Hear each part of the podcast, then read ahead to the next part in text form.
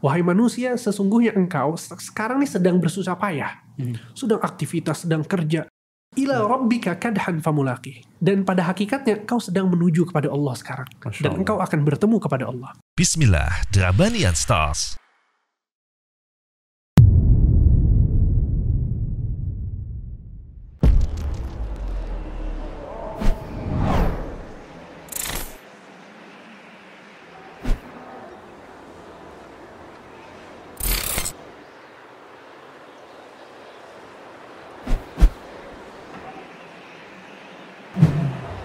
Samase, it's different.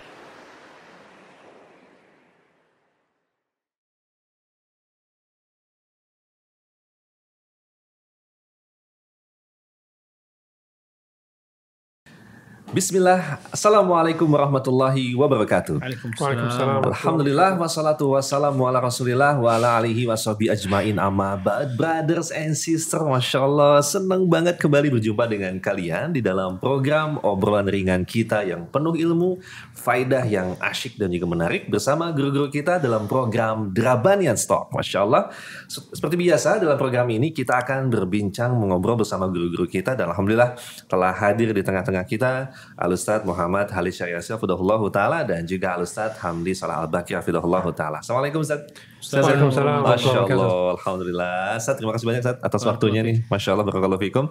Alhamdulillah. Teman-teman sekalian seperti biasa kita akan berbincang dan juga eh, membahas seputar permasalahan yang terjadi di sekitar kita. Dan semoga dengan obrolan ini mendapatkan faedah, insight dan tentunya hikmah ya yang bisa ilmu kita dapatkan, yang bisa kita amalkan. Dan tentunya pula setelah bersyukur kepada Allah kami mengucapkan terima kasih banyak kepada teman-teman semua yang telah mensupport kegiatan kita seperti biasa bagi teman-teman yang memiliki usaha halal, baik itu jasa, produk dan sebagainya, nggak usah sungkan. Yuk silakan kirimkan info produknya lewat DM atau ke admin kami dan kita akan up semoga dan kita perkenalkan kepada para, para jamaah dan semoga ini sebuah jalan teman-teman mendapatkan eh, rezeki yang halal tentunya Masya Allah. Dan tentunya Alhamdulillah nih terima kasih banyak kepada Omah Uti nih Masya Allah Ustaz. Oh Zen nih, snack-snack yang telah hadir di tengah-tengah kita.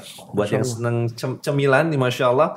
Ada cemilan dengan kualitas yang fresh, ada pisang bolen, kemudian juga ada dimsum mentai nih dengan saus mentai kekinian, kemudian chicken brulee Brule bukan bule ya, chicken brule. Baik, masya Allah. Kemudian juga ada apa lagi nih?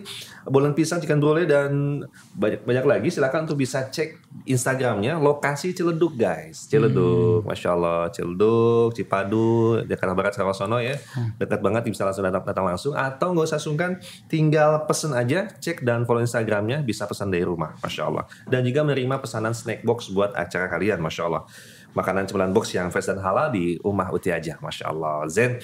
Dan tentunya ini sih hidangan ya. Setelah ini tentunya ada hidangan yang jauh lebih menarik yaitu hidangan ilmu nih yang akan Ustaz sampaikan, masya Allah. Baik, baik Ustaz mohon izin Ustaz. Dan kita akan membahas tentang fenomena yang telah berlangsung kurang lebih 8 bulan ya guys ya. Hampir setahun Ustaz.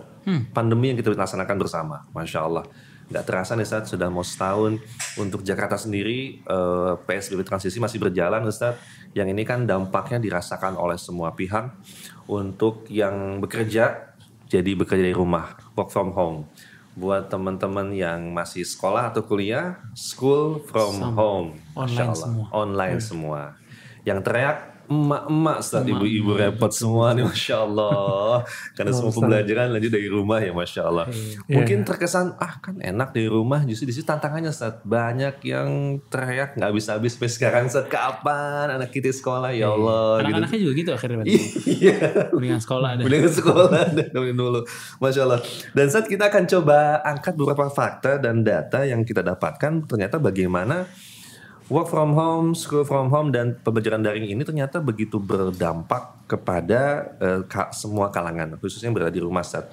Baik teman-teman sekalian, kita akan coba angkat grafik dan informasi yang akan diangkat. Yang pertama adalah eh, tentang bagaimana para pelajar kewalahan saat. Ini ada data yang mungkin sudah kita ketahui bersama. Ada seorang siswi di Goa, Sulawesi, itu bunuh diri. Itu dikarenakan Iya, Bunuh diri ya? bunuh diri saat bunuh diri dikarenakan mungkin be- beban tugas Yang PR. PR banyak lebih banyak. Jadi ah, terkesan apalagi mungkin masih terasa sampai sekarang saat di awal-awal mungkin mas pas masa adaptasi itu bagaimana? Tugas-tugas tuh begitu banyak saat satu sisi butuh sinyal butuh kuota Iya, iya. tetapi kok tugas ini makin banyak? Ini salah satu dan ini pun sempat sempat terup dan viral saat siswi bunuh diri dikarenakan pembelajaran daring atau dan, dan eh, polisi masih memeriksanya kemudian juga ada lagi data siswa SMP kali ini saat siswa SMP juga sama tewas gantung diri ini di Tarakan Kalimantan. Itu sem- sebelum meninggal sempat keluhkan tentang begitu banyaknya tugas sekolah, Zat. Ya ilahi. Iya. Jadi karena kebanyakan PR, Iya. bunuh diri. Bunuh diri lagi. dikerjain, PR bunuh Iya, Ustaz. Masya Allah. la quwata quwata illa illa billah. Kemudian juga dampak yang lain La ilaha illallah. Eh, ini juga sempat diangkat oleh KPAI saat Komite Perlindungan Anak Indonesia ya bahwa banyak kebanyakan kasus-kasus bunuh diri ini diduga karena kebanyak banyaknya tugas selama Iya, iya. PJJ pembelajaran jarak jauh Jadi mungkin Ustaz. karena stres kali ya. Iya Ustaz. Dia stres. Betul, mungkin kondisi di rumah, tetapi malah tekanan semakin besar gitu ya saat ya. Iya. Apalagi tugas dan sebagainya. Jiwa belum siap, Ustaznya mungkin nanti akan akan akan Ustaz betul, bahas. betul. Kemudian juga yang mirisnya lagi adalah ini tadi berdampak ke ibu-ibu yang full di rumah. Jadi yang biasanya pagi jam 7 anaknya udah sekolah, alhamdulillah ya Allah kita bisa rehat. Sejenak bisa ngupi-ngupi cantik gitu ya. Tapi ternyata kan masih di rumah nih kan, lakinya di rumah, anaknya di rumah, semua di rumah, beban bertambah. Yang kurang ilmu mungkin mungkin Ustaz akan bahas juga eh, sehingga terjadi KDRT saat bukan suami kepada istri tapi ibu memukuli anaknya saat. Ah, illa Jadi kan tugas yang selama ini diemban oleh guru itu Iya, sekarang dia dibebankan kepada orang tua mungkin nggak siap Iya. yang ada malah stres marah-marah dan terjadi si bocah SD dipukuli sapu hingga wafat meninggal. Ini terja- terjadi Wafat, wafat, iya wafat. dan kondisinya dekat saat di larangan Tangerang Sat. Ya Allah. Iya, masya Allah terjadi dan masya Allah fenomena yang miris terjadi saat dan mudah-mudahan dari obrolan kita akan bisa kita bahas dan apa namanya termasuk juga untuk teman-teman yang bekerja malah kondisinya kerjaan di rumah tuh malah makin bebannya malah makin besar malah kadang jadi nggak ada waktu Ustaz. Nah mungkin mudah-mudahan dari obrolan kita kali ini kita akan bisa bahas s- bagaimanakah Ustaz kita menyikapi tentang insiden-insiden seperti ini Ustaz. Ustaz Hamdi, tafadhol silakan Ustaz. Taib. Bismillah, alhamdulillah, wassalatu wassalamu ala rasulillah. Amma ba'd. Satu hal penting yang harus kita fahami bersama adalah bahwa uh, terkadang itu seseorang dia memainkan beberapa peran dalam kehidupannya. Hmm. Jadi kadang kita adalah karyawan, Iya. ya sekaligus kita juga ayah dari anak-anak kita, dan sekaligus kita juga seorang suami dari istri, gitu kan.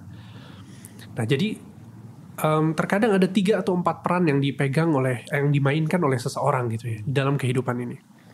Dan satu hal penting yang perlu kita pahami adalah bahwa kita harus mengetahui kadar seberapa penting dari satu peran ke peran yang lain. Hmm.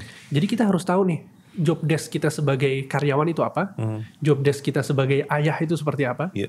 Ya, tadi disebutkan juga seorang ibu yang kewalahan, dia harus tahu job desk seorang ibu itu seperti apa, gitu kan.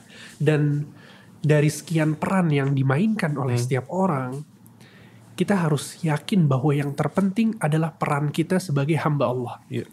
Kita oleh Allah Subhanahu wa taala diciptakan untuk beribadah kepadanya. Wa ma khalaqtul jinna wal insa illa liya'budun. Tidaklah aku menciptakan jin dan manusia kecuali agar mereka beribadah.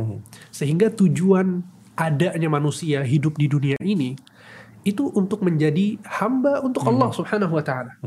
Ini satu hal penting yang perlu kita camkan baik-baik. Ya, jadi em, apa pun pekerjaan kita, ingat bahwa kita hamba Allah. Masya Allah. Masya Dalam sebuah hadis yang sahih diriwayatkan oleh Imam Muslim bahwa Nabi Shallallahu Alaihi Wasallam bersabda, "Kullun nas yaghdu, faba'i'un nafsahu, famu'tiquha au mubiquha." Setiap orang keluar di pagi hari. Faba'i'un nafsahu. Dia pun beraktivitas. Ya, dia menjual dirinya, maksudnya dia beraktivitas keluar. Ada yang beraktivitas sebagai karyawan, ada yang beraktivitas sebagai pedagang, Ya. ada yang beraktivitas sebagai mahasiswa, pelajar, dan seterusnya. Ya kata Nabi, orang-orang itu keluar di pagi hari dalam rangka beraktivitas. Kemudian di akhir hadisnya kata Nabi, famu'tiquha au mubiquha. dari aktivitas yang dijalankan itu bisa jadi dia menyelamatkan dirinya dari api neraka atau malah menjerumuskan dirinya ke api neraka. Jadi ini satu hal yang nggak boleh kita lupakan. Ya. Kita karyawan, oke kita bekerja, tapi ingat kita juga hamba Allah loh. Ini juga penting. Iya. Ketika kita apa pelajar, ingat juga kita adalah hamba Allah. Dan begitu seterusnya. Oleh karena itu Allah juga menyebutkan dalam surat Al-Insyiqaq ayat 6, Ya ayuhal insan, innaka kadihun ila rabbika kadhan famulaqih. Wahai manusia, sesungguhnya engkau se- sekarang ini sedang bersusah payah. Sedang aktivitas, sedang kerja. Ila rabbika kadhan famulaqih. Dan pada hakikatnya engkau sedang menuju kepada Allah sekarang. Dan engkau akan bertemu kepada Allah. Jadi sekarang untuk para karyawan, pelajar, mahasiswa, kerjakan aktivitasnya. Nggak ada masalah sama sekali. Tapi ingat, kita sekarang sedang menuju kepada Allah. Masya Allah. Nah, makanya eh, tadi lihat fakta-fakta yang disebutkan eh, mengerikan Zat ya. Wallah. Jadi sampai ada yang bunuh diri. Iya, Ustaz. Ya, maksudnya bunuh diri ini dosa besar. Para ulama yang menuliskan kitab tentang dosa besar, di antaranya Imam Zahabi rahimahullah dalam kitab Al-Kabair disebutkan bahwa bunuh diri adalah dosa besar, bukan dosa biasa. Nabi SAW mengatakan dalam hadis yang sahih, ya, man qatala nafsahu bi syai'in udziba bihi yaumal qiyamah. Barang siapa yang membunuh dirinya sendiri dengan suatu alat, maka Allah akan mengazab orang ini dengan alat yang dia gunakan untuk bunuh diri. Masya Allah. Sehingga ini adalah maksudnya bukan sesuatu yang remeh gitu ya. Hmm. Bunuh diri la ilaha illallah kemudian juga si ibu tadi semoga Allah memberikan hidayah kepada ibu tadi ya. Sampai dipukulin anaknya karena anaknya nggak ngerti-ngerti uh, apa namanya uh, pembelajaran yang Hmm. ada di kelasnya dan seterusnya maka ini merupakan batasan-batasan yang harus dijaga oleh seseorang. Apa pun pekerjaan Anda, apa pun profesi Anda, ingat Anda juga hamba Allah. Hmm. Jangan sampai karena stres karena pekerjaan Dunia ya. karena dunia yang dikorbankan apa? Agamanya. Paham ya? Jadi kita harus paham ini. Jadi job desk masing-masing di uh, ketahui. Kemudian ketahui juga bahwa anda adalah hamba Allah. Jangan sampai karena stres dalam aktivitas anda malah melakukan dosa-dosa besar. Gitu kan? Masya Allah. Masya Allah. Kadang-kadang emang nih. Iya, Ustaz. itu mungkin tuh orang stres gara-gara masalah-masalah apa tugas-tugas dan lain sebagainya. Cuma di sisi lain kita juga mesti lihat ada bos-bos yang zalim di balik itu. betul Ah, betul oke. itu juga Allah. Ada guru-guru yang zalim di balik itu. iya iya betul Iya nggak sih? Dan Dia mungkin si bos ini beranggapan lo kan udah di rumah, Hmm. iya kan? Tugas yang banyak. Tadi betul dia di rumah bukan jadi pegawai ente doang. Dia di rumah itu jadi hambanya Allah. Masya Allah. Dia di rumah jadi suaminya istrinya tuh. Dia di rumah jadi bapak anak-anaknya. Dia di rumah jadi anak dari bapak dan ibunya yang di situ. Masya Allah. Iya Masya kan? Allah. Maka ini bos-bos yang zalim ini bertanggung jawab di hadapan Allah Subhanahu wa taala. Iya kan? Begitu juga guru-guru yang zalim. Jangan pikir mentang-mentang guru nggak bisa zalim. Bisa. Pada saat dia nggak adil memberikan tugas gitu loh. Ini lihat-lihatlah. Ini anak SD tugas kayak anak S2 kan nggak nyambung. Sepenuh itu gitu loh. Siapa yang mampu? Bahkan eh, para ulama mereka ini mempunyai tradisi yang sangat luar biasa pada saat mereka memulai kajian-kajian hadis mereka. Hadis pertama yang akan diberikan kepada murid-muridnya adalah hadis yang dikenal dengan musalsal bil awwaliyah. Ya, ar-rahimun yarhamuhumur rahmanu tabaraka wa ta'ala. Irhamu man fil ardi yarhamukum man fis sama. Ar-rahimun yakni orang-orang penyayang itu, mereka akan disayang juga dengan apa-apa yang di langit gitu. Dari Allah Subhanahu wa taala akan sayang dia. Irhamu man fil ardi yarhamukum man fis sama. Sayangilah yang di, di bumi, yang di langit akan menyayangi kalian. Masya Allah. Sekarang yang Anda pengen ambil faedahnya adalah pada saat para ulama itu memiliki tradisi, guru-guru akan memberikan hadis ini kepada murid-muridnya di awal kajiannya menandakan bahwa belajar mengajar itu di- didasari dengan rahmat dan kasih sayang, Masya Allah. bukan dengan kezaliman. Masya Allah. Iya kan? Masya Allah. Makanya mereka memulai itu dengan rahmat ke- eh, kepada para murid-muridnya. Makanya di sini berbahaya sekali. Ada karyawan, ada apa namanya? Ada ada ada bos yang zalim ya. Ataupun guru yang zalim. Walaupun di samping itu ya mungkin bos ini zalim gara-gara karyawannya zalim duluan. Ah iya Ustaz tuh. Misalnya kayak apa ya kalau menggunakan waktu kerja untuk ibadah gitu Ustaz. Eh, itu misalnya kan ya. nyolong-nyolong deh waktunya. Ah, sholat duha misalnya ya Sholat duha. Ah, atau mungkin tilawah Quran gitu kan apa Iya, itu berkaitan atau gimana Ustaz? Jadi pekerjaannya terbengkalai karena dia Mm-mm. ibadah. Mm-mm. Ya, mungkin dia ngiranya ya, bukan duha, iya kan? Iya, iya. Baca Quran, dengerin kajian, denger TR misalnya. Masya Allah. Tapi di waktu Baik kerja gitu kan. Masya Allah Ya nggak boleh, Hmm. nggak boleh. Itu ngambil waktu juga. Sekarang kan Ah. waktu pada saat anda bekerja, al muslim wa. Hmm. Seorang muslim itu tergantung draft kontrak yang ada tanda, tanda, tangan, ya itu dia job desk-nya gitu. Hmm. Waktunya dari sekian sampai jam sekian. Masya Allah Iya kan? Masya Allah Pada saat dia tanda tangan berarti ini yang bakal dia pegang. Hmm, hmm, hmm. Iya kan? Jangan ngambil-ngambil colong-colong waktu dan lain sebagainya di waktu yang mestinya Anda menepati janji yang ada di kontrak itu. Masya Allah Masya Akhirnya Allah. apa? Akhirnya sebaliknya. Masya Allah. Bosnya juga mengambil waktu Anda. Gitu loh kasarnya. Iya iya iya Kadzalika nuwali ba'dadh dhalimina ba'dhan bima kanu yaksibun kata Allah. Begitulah kami akan menjadikan pemimpin para orang zalim ya zalim juga. Hmm, Oke Karena apa yang mereka telah berbuat. Nah, Masya Allah ada fatwa dari Lajnah Daimah ya, apa namanya perkumpulan ulama dari Saudi Arabia ya, tentang masalah ada orang nanya yang sholat duha di waktu kerja, ini gimana, boleh apa enggak? Dijawab, tidak selayaknya bagi seorang pegawai melalaikan pekerjaan dari atasan yang hukumnya lebih wajib dari sekedar melaksanakan sholat sunnah. Masya Bayangin. Allah Masya Allah Karena apa? Karena janji yang tadi itu al muslimuna ala syurutihim. Seorang muslim itu tergantung draft kontraknya dia, syarat-syarat yang telah dia tanda tangan. Salat duha sudah diketahui salat sunnah. Oleh karenanya hendaklah seorang pegawai tidak meninggalkan pekerjaan yang jelas lebih wajib dengan alasan ingin mengamalkan amalan sunnah. Apalagi ditambah habis salat duha rebaan di musola. Ini gimana Allah. Ya Ustaz bos? Gimana nggak pengen zalim bosnya? Koilullah bos Koilullah gitu Allah seterusnya. Ustaz. Zuhur sholat 15 menit, tidur 15 menit juga. Gimana? Ya kan? Dan yang paling luar biasa, kalau kita ngomongin sholat duha, bilbob ya nih, sholat duhanya gitu ya. Ini para ulama bilang, jika memungkinkan pegawai itu sebenarnya bisa melaksanakan sholat duha di rumah sebelum ia berangkat. Emang sholat duha mesti jam 9 pada saat nanti waktunya di kantor? Kan enggak. Iya bisa udah masuk waktu ya Itu tinggal ba'da syuruk ya, kayak Iya, gitu ya iya. enggak sih? Ba'da apa matahari nongol 15 menit kemudian udah bisa sholat duha. Iya kan? Kenapa nggak sholat duha di rumahnya di awal waktunya? Masya Allah Dan Masya Allah betul, sholat sunnah itu lebih afdal di mana?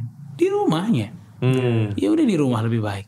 Ya kan? Masya Allah. Oke, alasan-alasan yang seperti ini justru akan mengembalikan kezaliman bos itu kepada dia gitu loh. Masya Allah, Masya Makanya di balik itu jadi pegawai juga yang jujur, Hmm. jadi bos juga mesti jujur dan adil, jadi guru juga mesti jujur dan adil. Masya Allah. Jadi masing-masing saling menjaga hak dan tadi itu berdasarkan rasa rahmat dan kasih sayang saatnya. Hmm, betul sekali. Dan bagaimana mungkin kalau tadi menarik tentang guru saat Hmm. bahwa bukan selesai materi saatnya, tetapi bagaimana ilmu sampai dengan kasih sayang gitu kan. Betul. Masya Allah dan dilihat bagaimana penyampaiannya. Baik. Dan menarik Ustaz. Terkait lalu bagaimana nih Ustaz mengatur prioritas nih Ustaz. Kan waktu masing-masing kita sama ya. 24 jam gitu kan. Tapi kok ada yang bisa menjalaninya dengan baik, tapi ada juga yang ngerasa kurang gitu kan. Atau bahkan tadi kok ngerasa kok makin padat banget atau waktunya sama gitu Ustaz ya. Mungkin Ustaz Hamdi bisa ngasih nasihat tentang bagaimana eh, mengatur waktu supaya masing-masing pihak ini bisa melaksanakan tugasnya secara maksimal Ustaz. Oke. Em, ya, jadi setelah eh, masing-masing itu menjalankan kewajibannya masing-masing ya. Jadi tadi kita sebutkan bagaimana karyawan itu harus eh, menjalankan eh, job desk yang memang sudah menjadi tanggungan dia gitu Iya. kan atau kewajiban dia.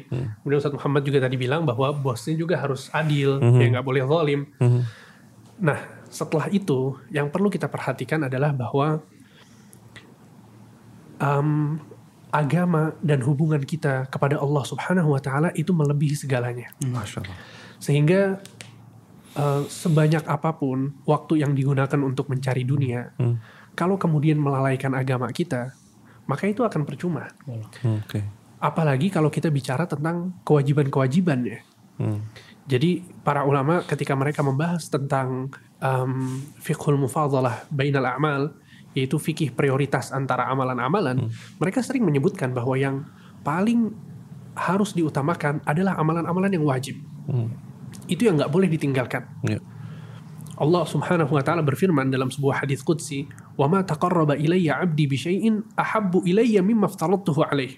Tidak ada satu amalan yang bisa mendekatkan diri si hamba kepadaku, kata Allah, yang lebih aku cintai daripada amalan-amalan yang wajib. Masya Allah. Jadi sholat lima waktu ini nggak boleh tinggal sama sekali. Hmm, Kemudian ada amalan-amalan yang penting sekali untuk kita lakukan ya, seperti zikir misalnya, memperbanyak zikir. Ya, zikir pagi sore itu jangan sampai tinggal. Masya Allah. Jadi sesibuk apa pun kita, itu jangan sampai ditinggal gitu loh. Karena ini yang akan melawan stres kita. Bukan malah tadi Oke. dia stres malah bunuh diri. ya kan? Iya, betul Allah Akbar. Karena ala bizikrillah tatmainnul qulub kata Allah. Sesungguhnya dengan zikir hati itu akan tenang. Kurang ngaji kali ya. Hmm, Kurang ngaji, Kurang kurang zikir. zikir. Nah, ini amalan-amalan ini itu pokok untuk mendapatkan uh, keberkahan dari Allah, ya kemudahan dari Allah untuk pekerjaan-pekerjaan kita. Karena Allah Subhanahu wa taala yang memberikan kepada kita kemudahan. Allah yang memberikan keberkahan. Bisa jadi kita dapat uang sedikit akan tapi berkah. Masya Terlihat dari bisa jadi kita sehat semua keluarga, Senang nggak ada yang perlu betul bahagia, nggak ada yang perlu ke rumah sakit, nggak ada kebutuhan-kebutuhan mendesak. Walaupun uang yang didapatkan itu sedikit, tapi terasa berkah. Dan Nabi Shallallahu Alaihi Wasallam mengatakan wal barakatu minallah dan keberkahan itu datangnya dari Allah. Kalau kita sudah tahu bahwa keberkahan itu datangnya dari Allah, kita minta ke siapa? Allah. Pasti ke Allah. Ya. Yep. Sehingga ketika kita mengikuti aturan-aturan Allah, di situ akan datang keberkahan. Hmm, Dan yang tidak kalah penting adalah berdoa kepada Allah Subhanahu wa taala. Masya Allah. Masya Allah. Ya, Allah Subhanahu wa taala berfirman, uh, "Wa qala rabbukum ud'uni astajib lakum." Ya. Dan Tuhan kalian mengatakan, "Ud'uni." Berdoalah kepadaku, pasti aku akan kabulkan. Sehingga apa yang kita inginkan, kita minta kepada Allah. Kita minta kemudahan, berdoalah kepada Allah. Kita mau um, kemudahan dalam mendapatkan rizki, minta kepada Allah Subhanahu wa taala. Sehingga doa merupakan senjata seorang mukmin dalam segala aktivitasnya. Ya. Oleh karena itu di antara doa yang baik untuk dibaca, ya, khususnya untuk orang-orang yang beraktivitas mencari rizki, ya, agar membaca doa yang diajarkan oleh Nabi SAW yaitu Allahumma kfini bihalalika an haramik wa aghnini bifadlika amman siwak. Ya Allah, cukupkan aku dengan yang halal tanpa yang haram. Sebagian orang hidup di dunia ini yang halal itu sangat cukup bagi dia.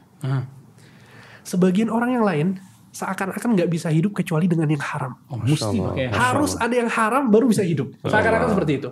Minta kepada Allah. Baca doa ini. Allahumma kfini. Cukupkan aku bihalalik. Dengan yang halal saja ya Allah. Iya. An haramik. Tanpa yang haram. Jadi kita tanpa yang haram tuh sudah enak, sudah bahagia, sudah cukup. gitu ya. Wa aghnini bifadlika amman siwak. Dan cukupkan aku dengan keutamaanmu bukan dengan yang lain. Allah. Sebagian orang tuh seakan-akan dia kalau mau kaya tuh harus bersandar kepada orang lain. Iya. Di sini di dalam doa ini kita diajarkan agar kita meminta kepada Allah supaya kita dicukupkan hanya dengan Allah saja. Masya Allah. Masya Allah. Masya Maka, Allah.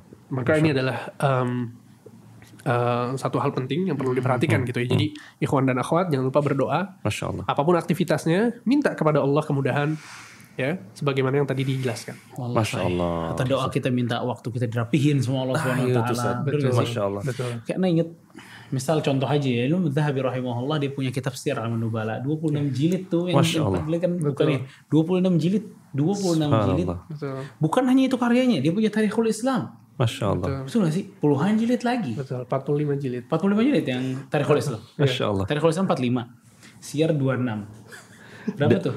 Masya Allah. Fatimah teman-teman. Coba Betul. hitung dulu. Berapa jemaah? 71. 71 jilid. 100. Ya, Iya. Oke. Sekarang Itu dia mungkin punya waktu sehari 30 jam, Sat. Jadi dia bisa nulis Sama ya. Ustaz. Dan dengan teknologi saat itu belum saat percetakan. itu. Oh, betul. Saat ada itu. internet, ya. Copasnya susah. Ya, oh, copas. Copasnya Copas susah. paste. Iya kan? Sekarang gampang banget copasnya. Allahu Akbar. Itu maksudnya luar biasa gitu loh. Bener-bener gara-gara ketakwaan. Betul, wallah. Allah rapihkan waktunya, berkah waktunya. Hidup cuma sampai 60 tahun cuma kok rasanya karyanya ini berasanya sampai ratusan tahun ini luar biasa banget. Betul. Masya Allah. Allah musta'an. Masya Allah. Zia. Masya Allah. Kita Kuncinya. baca satu jilid, dua jilid, puluhan tahun gak selesai selesai. Allah Akbar. Allahu Jadi kunci adalah keberkahan dan memohon pertolongan pada Allah saja. Betul. Masya Betul. Allah. Dan juga setiap kita sholat, Hmm. kita menyebutkan iya karena abudu iya karena nasta'in. nasta'in. Hmm. Bayangkan gini sholat nih satu hari 17 rakaat ya. Hmm. 17 kali kita minta pertolongan. Cuman terkadang mungkin hati kita lalai. Iya. Tapi- Jadi ini perlu dikuatkan nih ya, buat ikhwan dan akhwat Masya perlu Allah. dikuatkan. Ya, Masya Allah. minta kepada Allah, minta tolong sama Allah, pasti diselesaikan. Insya Allah. Allahu Akbar, Masya Allah Ustaz, luar biasa Alam. nih karena ujian ini semua merasakan Ustaz ya, Masya Allah karena WFA dan SMA Betul. itu semua merasakan, cuman kan bagaimana menyikapinya tergantung tadi ya, iman, Betul. pertolongan kepada Allah, Solusinya itu. solusinya itu ya, Masya Allah, Zen. Demikian teman-teman sekalian, Masya Allah cuma jadi sebuah solusi yang begitu mencerahkan tapi akan lebih terasa bila kita amalkan tentunya Masya Allah ya. Mudah-mudahan program kita di Drabanin Stocks ini menjadi sebuah penyegar ya di tengah oase di tengah mungkin kajian langsung belum bisa berjalan baru, baru beberapa mulai tapi mudah-mudahan ini jadi sebuah obat kita untuk bisa meningkatkan iman kita tentunya dan semoga dengan ini menjadi sebuah jalan bagi kita untuk bisa menyikapi masalah yang terjadi pada saat-saat ini Masya Allah Ustaz terima kasih banyak. Jazakumullah atas Oh, iya. waktunya Masya Allah Oh iya, Kom. Ya Ustaz, terima kasih banyak. Dan juga teman-teman sekalian kami ucapkan terima kasih banyak buat yang telah mensupport kegiatan kita pada kali ini. Dan masih yang terus mendukung kita sama si It's Different. Masya Allah baju kita wardrobe kita dari sama si Masya Allah. Baju dengan cutting ukuran dan bahan yang luar biasa nyaman dipakai untuk kajian untuk eh, kerja juga untuk work, work from home juga enak gitu kan masya Allah. Dan buat ibadah tentunya itu nyaman sekali alhamdulillah. Dan sama sih memiliki 50 cabang reseller di seluruh Indonesia masya Allah yang bisa kalian pesan lewat lewat DM Instagram dicek aja ya cek Instagramnya dan follow masya Allah. Dan juga bisa didapatkan di marketplace kesayangan kalian tinggal pesan aja dan akan katalognya banyak banyak pilihan model masya Allah dari mulai ujung kepala hingga ujung kaki Zat Zen luar biasa. Barakallahu fikum barakallahu fikum teman-teman sama sih. Dan terima kasih banyak juga kepada Umah Uti ya tadi telah kita review di depan masya Allah. Dan kita kita sebutkan produknya apa aja dan setelah ini kita akan nikmati bersama kru yang telah menanti. Masya Allah. Baik masya Allah. Jazakallahu khair. Dan kita akan berjumpa kembali di episode yang akan datang. Semoga Allah mudahkan dan kita akan akhiri. Wassalamualaikum Muhammadin wa ala alihi washabihi wasallam jangan lupa stay tune di Instagram YouTube dan juga Spotify assalamualaikum warahmatullahi wabarakatuh Waalaikumsalam. Assalamualaikum warahmatullahi wabarakatuh. Alhamdulillah. Tafadhol Ustaz Masya Allah. Silakan, silakan, silakan. Silakan. silakan.